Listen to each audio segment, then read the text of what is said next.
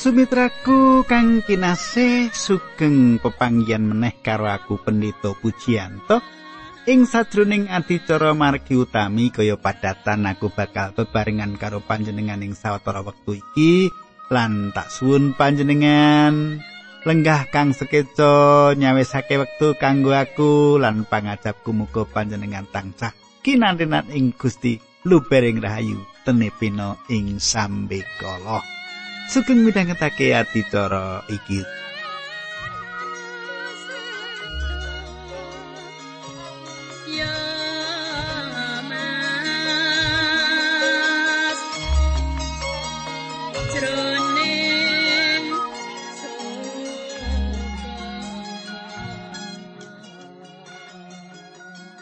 Katanggu apa panjenengan? Kelingan apa sing tak aturake kepungkur aku ngaturake perkara-perkara dumadine. Injil Lukas iki sapa sing nulis mengkono? Nah saiki kita wis miwiti bakal naliti ngunceki apa kang ana sajroning Injil Lukas. Lan malah wis anggegilut perwakaning atur utawa uh, woro-woro asal usule Injil Lukas iki ditulis. Nah, kadangku monggo kita terusake panggegilut kita. Kita miwiti kanthi pandonga aku arep ngaturake salam dhisik karo sing nglayangi aku. Bapak Suwardi Temanggung Jawa Tengah nggih. Kula mirengaken khotbah panjenengan saking radio, Pak. iman kula dipun kiyataken anggih Pak Suwardi matur nuwun sanget serat panjenengan sampun kawula tampi Pak ampun bosen midhangetaken pangandikanipun Gusti nggih Pak nggih monggo kita ndedonga duh kanjeng Rama ing swarga kawula ngaturaken kuking panuwun menawi wekdal menika kawula saged tetunggilan kalian sederek-sederek kawula lan kawula nyuwun sepatus berkah paduka lumuntur lumantar program menika. Dinambaran asmanipun Gusti Yesus Kristus kawula ndedonga. Haleluya. Amin.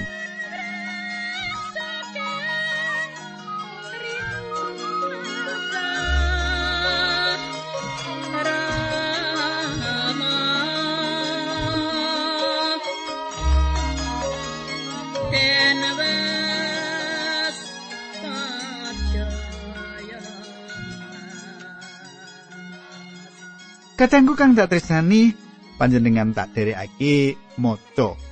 Kita miwiti saka Injil Lukas yaiku pasal 1 ayat sing kaping 5. Injil Lukas pasal 1 ayat sing kaping 5 bakal tak waca. Nalika jamane Sang Prabu Herodes nata ing tanah Yudea, ana sawijining imam jenenge Sakaria kalebu golongan Abia bojone uga trai Harun jenenge Elisabeth. Kadangku Gusti Allah ngikis waranane sepi sawise patang atus taun. Kan diruntut Lukas miwiti perjanjian anyar. Diwiwiti saka laire Yohanes Pembaptis sing sadurunge malaikat Gibril ngetingal marang Imam Zakaria lan bojone kang jenenge Elisabeth. tembung Sakaria tegese Allah ngingeti lan jeneng Elizabeth tegese sumpai Allah. Yen dikanding dadi siji tembung loro mau tegese Allah ngingeti sumpai. Kapan tonggone Gusti Allah sumpah janji. Nah, babagan iki panjenengan tak dereke nyemak apa unggule Mazmur 89 ayat 35 nganti 38. Mangkene surasane ingsun ora bakal nerak marang prasetyan ingsun. Tuwin apa kang kawedar saka ing latin ingsun ora bakal sun owai. Sepisan ingsun wis sumpah demi kasucen ingsun, mesti ingsun ora bakal cidra marang Daud. Tedak turune bakal stari ing salawas-lawase lan dampare kaya srengenge ana ing ngarsan ingsun. Kaya rembulan kang ana ing salawas-lawase minangka seksi kang setya tuhu ana ing mega katangku Gusti Allah prasetyo marang raja Daud yen ing besuke tedak trune bakal ngregem pemerintahan langgeng. Lan yo Sang Kristus iku kang dadi tedak turune Sang Prabu Daud. Gusti Allah ngengeti sumpahe. Gusti Allah ngengeti prastiani. Ing kitab suci ngandhake yen uripe Imam Zakaria lan Elizabeth bojone iku kapitung wong-wong sing urip kanthi bener. Kepriye bisa ngerti yen padha urip bener? Zakaria lan Elizabeth nglenggono yen padha dene wong dosa nuli nggawa korban sing diperlokake ana ing ngarsane Allah. Coba panjenengan semak ing Injil Lukas bab 1. Ing Injil Lukas bab 1 ayat 6. Injil Lukas bab 1 ayat 6. Sekarone padha mursid ana ing ngarsane Allah lan tansah nindakake pepakon lan pranataning pangeran ora ana kang luput. Nek basa petinan, sekarone padha wong mursid seneng ngestokake dawuh lan netepi angger-anggere Allah. Katangku uripe wong loro iku Sakaria lan Elizabeth nandhakake yen wong loro wis padha urip ing kawilujengan. Nalika krasa nindakake dosa. Nalika krasa yen dheweke nindakake dosa banjur inggal nggawa korban sing diperlokake kanggo dosane. Wong loro iku padha dene tansah ngungun dene durung diparingi momongan. Saiki coba ayat pitu saka bab siji. Nanging ora duwe anak sebab Elizabeth iku gabuk lan karone wis padha tuwa. Ora duwe anak kanggone wong wadon Ibrani banget dadi cacat lan dadi rerasane wong akeh. Lan yo iku sing saiki dilakoni dening Elizabeth.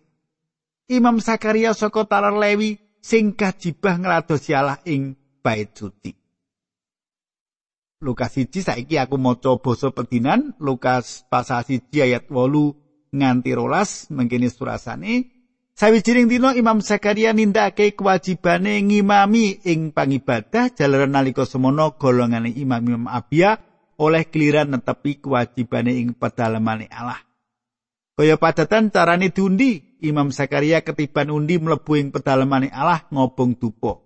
Nalika Imam Zakaria lagi nindakake upacara mau ing jaba ana umat akeh sing padha ndedonga.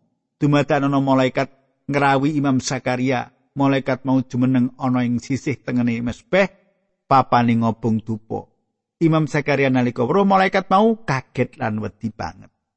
Kadangku nalika iku Nabi Zakaria lagi ngladosi Allah ing sangarepe mesbeh mas. Papan kanggo ndedonga. Ing wektu iku wancine caos kurban ing wayah sore.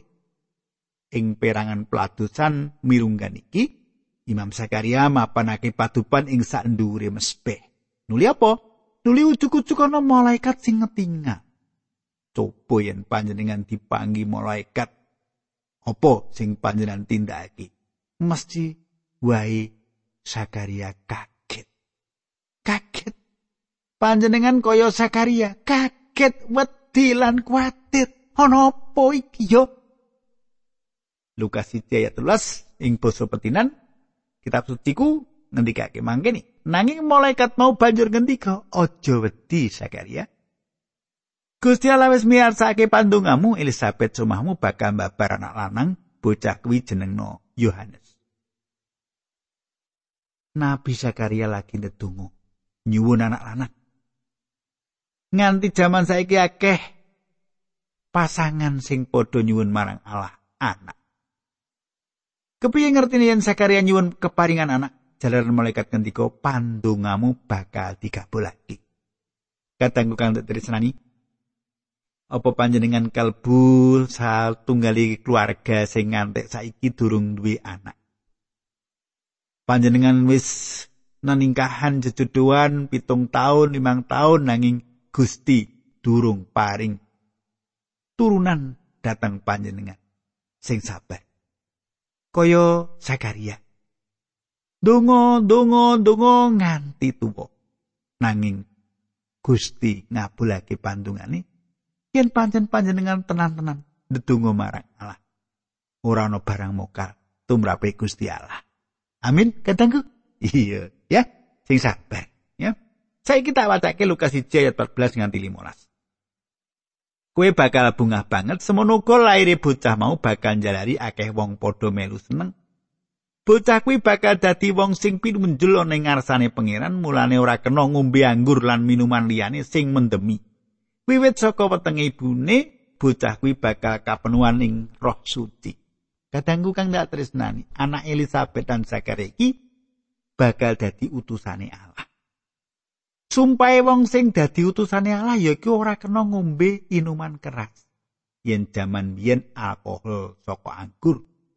Dadi ora bisa mendem anggur. Gumbiraning atine ana ing roh suci lan tansah urip bener ana ing ngarsane Allah.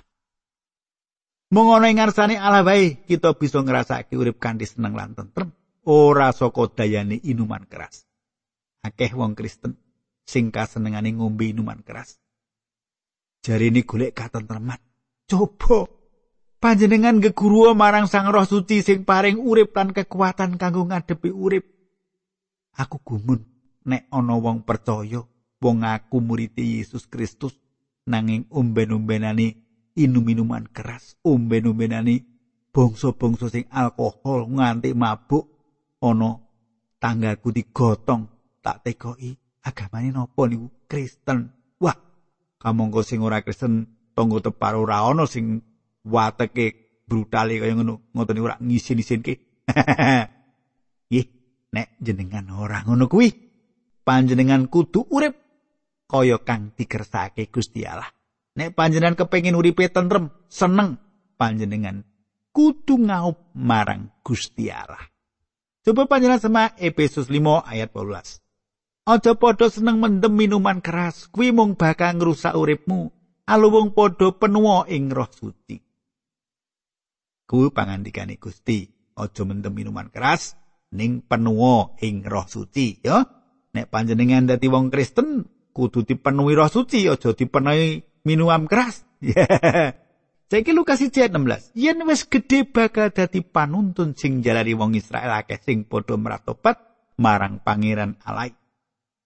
Anakmu mau bakal dadi utusane Gusti Allah sing pengpengan lan panguasane kaya Nabi Elia. Anakmu kuwi bakal ngrukunake bapak karo anak lan nuntun wong morsal dadi mursid enggone nindakake mengkono kuwi supaya nyawisake umat sing sembodo tumrap ing pangeran. Katangku, saya kayat 18, Imam Sakaria nuli matur kados pundi angin kawula saged mangertos pilih pangandika panjenengan menika saestu badhe kelampahan. Awit kawula sampun sepuh mengkaten ugi semah kawula. Katangku, senatian Yohanes Pembaptis nggone ngladosi kanthi roh lan kuasane Nabi Elia, nanging Yohanes dudu Elia. Yohanes peladosane ngowahi atine para bapa nganti tekan atine anak-anake. Yohanes dadi kretek dadi lantaran sing misahake turunan lan turunan liyane. Zaman saiki ora mung antarane turunan utawa generasi, ora mung antarane bocah lan wong dewasa. Nanging para wong dewasa dipisahake karo Allah. Yen para wong dewasa ora dipisahake karo Allah, para wong dewasa uga ora pisah karo pemuda, karo bocah-bocah. Saiki ayat selikur, rolikur, telulikur. Injil Lukas bab siji, mangkene surasani. Kacarita umat sing padha ana ing jaba ngenteni metune Imam Zakaria wong akeh mau padha gumun apa sebabe kok imam suwe banget ana ing pedalamane Allah. Bareng metu Imam Zakaria ora bisa caturan, mung bisa menehi sasmita nganggo tangane wae. Wong akeh mau banjur padha ngerti yen Imam Zakaria mentas nampa wahyu ana ing pedalamane Allah. Kadangku kang dak tresnani. Iki perkara sing gumunake. Kepiye? Yuk. Batine Zakaria. Carane ngandhakake marang wong akeh yen lagi wae ketemu karo malaikate pangeran. Awit apa? Awit Imam Zakaria lagi bisu. Bisu ora iso omong. Ora iso ngetokke apa-apa suarane ilang. Lukas 1 tulikur sarampunge tugas ana ing pedalaman Allah Imam Zakaria banjur muli. Kadangku nalika zamane Sang Prabu Daud. Kewajiban sing dilakoni para imam iku wis ditata kanthi becik. Imam sing wis sawetara wektu nyambut gawe ing pelatusan kudu bisa diliburake, dipreni. Supaya ora banget keseliran bisa ganti genten karo imam liyane. Saiki Zakaria lagi ngayahi kewajiban ing pedalaman suci nanging ketaman dadi bisu. Ayat palikur nganti selawe. Oral suwe Elizabeth sumai nuli ngandut lan sadrone limang sasi ora metu-metu saka omahe. Elizabeth mose ing sadrone ngati pungkasane Gusti Allah mitulungi aku. Lan ngilangi sing jalari isinku karo wong-wong nganti aku saiki wis ora perlu isin meneh. Kadangku kang dak tresnani. Kadangku nyemak apa kang di ngendikake ana ing kitab suci iki kahanan sing kurang kepenak dirasakake Elizabeth sak suwene iki isin ora duwe anak. Nah saiki kan ditembung isinku karo wong-wong iku ilang. Ngedapi-dapi pakaryane Allah. Bojone Elizabeth delik sawetara saksi kamangka Zakaria bisu. Saiki ayat 6 bareng Elizabeth nggone ngandut wis 6 sasi Gusti Allah banjur ngutus malaikat Gabriel menyang kutha Nazaret ing tanah Galilea. Ayat 17 Enggone diutus mrono mau perlu nemoni perawan sing jenenge Maryam. Perawan mau lagi pepatangan karo wong sing jeneng Yusuf, tedak turuni Sang Prabu Daud. Kadangku saiki genti ceritane saka Yerusalem menyang Nazaret. Enam minggu sawise malaikat pangeran ngetingal marang Imam Zakaria nuli ngetingal marang Maryam. Kaping pindho dikandhake ing ayat iki yen Maryam iku isih perawan. Apa panjenengan pirsa apa to perawan iku? Pitakon iki katone aneh. Nanging akeh wong sing durung jelas apa to tegese perawan iku? Perawan yaiku wanita, wong wadon sing ora bakal bisa nduweni anak kanthi cara alami. Jalaran ora tau sesambungan badani karo wong lanang. Dadi yen ana sing kondo yen ana prawan bisa nglairake kanthi alami iku mokal kedadiane ora bisa. Nanging kitab suci ngandhake kanthi gamblang yen Gusti Yesus Kristus kawiyosake saka guwa garbane prawa Maryam. Coba panjenengan semak Lukas 1 ayat 21. Malaikat mau nemoni Maryam lan ngendika, "Bejo kowe sing dikasih dening pengiran, pengiran nganti marang kowe." Ing saperangan kalangan Kristen ana sing ora merduli anane Maryam ingkang dadi buni Yesus. Ing ayat iki dikandhake yen bejo kowe sing dikasih dening pangeran sing nganti marang kowe. Maryam keparingan ciramat ing antaraning para wong wadon ya iki sing dikandhake kita suci kegayutan Maryam. Kanthi gampang diucapake yen wanita nglairake dosa lan manungsa dosa. Nanging uga saka wanita kawiyosake Yesus Kristus juru wilujengi donya. Lukas 1:21 krungu pangandikane malaikat sing mengkono mau, Maryam kaget banget sarta tuwa pitakonan ing sadroning ati, ge apa tegese salah mau. Kadangku banget kepranan lan kaget atine. Bareng Maryam krungu ngendikane malaikat mau, sing luhur ngendika marang Maryam manungsa lumrah, Maryam tuwa pitakonan ing sadroning atine, apa to werdine salah mau. Ayat telung puluh nganti telung puluh telu mengkini surasane malaikat nuli ngendika marang Maryam aja wedi Maryam awet kowe oleh kanugrahan gedhe saka pengiran kowe bakal ngandhek sarta mbabar anak lanang anak kuwi jenengno Yesus. Anakmu mau bakal dadi pinunjul sarta disebut putrane kang maha luhur. Pangeran bakal jumenengake sang putra mau dadi ratu kaya sang Prabu Daud leluhur. Panjenengane bakal dadi ratu ning anak turune Yakub ing salawas-lawase kratone bakal ora ana wekasan. Katangku. Ukara ing ayat iku cetha banget tegese. Ora bisa salah panafsir. Wong sing ora percaya yen Gusti Yesus kababarake dening perawan Maryam uga ora percaya yen panjenengane Gusti Yesus pinarak ana tengene Allah Sang Rama. Apa sing ditulis dening Lukas iki kahanan sing wis cetha uga wis kanthi kayekten yen Gusti Yesus bakal merintah bangsa Israel lan kratone bakal langgeng selawas-lawase. Kratone Allah iku sawijining kayekten. Saiki ayat 34. Maryam banjur matur marang malaikat mau kados pundi. Saketipun perkawis menika kelampahan jalaran kawula menika tasih prawan. Kadangku, sing nakokake luwih dhisik bab kepriye prawan bisa nglairake, Maryam takon marang malaikat, "Katut pundi?" Saketipun perkawis menika kelampahan jalaran kawula menika tasih prawan. Nuli dokter Lukas nirokake jawabane malaikat marang Maria. Coba panjenengan semak ayat 35. Malaikat nuli mangsuli roh suci bakal nedhaki kowe sarta kuasane Gusti Allah bakal ngayomi kuwi mulane putra sing miyos kuwi suci sarta bakal disebut putrane Allah Kadangku ora ana siji wae wong sing duweni kawigaten bab Yose Sang Kristus. Ing buku kaimaman ngandhake yen wong wadon nglairake iku kahanane dadi najis jalaran nglairake wong dosa ing donya. Nanging Maryam bakal mbabarake bayi sing tanpa dosa ing donya iki jalaran sang timur iki suci. Gandenge manungsa lanang lan wadon bisa nurunake anak sing duweni sifat dosa, ya mung kanthi kelahiran saka wong wadon sing isih prawan. Allah bisa nyipatake manungsa sing ora kalepetan ing dosa. Saiki coba Mazmur 51 ayat 7 nganggo basa bedinan. Wiwit lair mila kawula sampun awon, wiwit wonten ing wetenging biyung kawula kawula sampun nandhang dosa. kadangku anak sing dibabarake Maryam beda karo anak sing dilarake wong wadon liyane. Jelaran apa? Jelaran babare anake Maryam tanpa ana cawe-cawene wong lanang.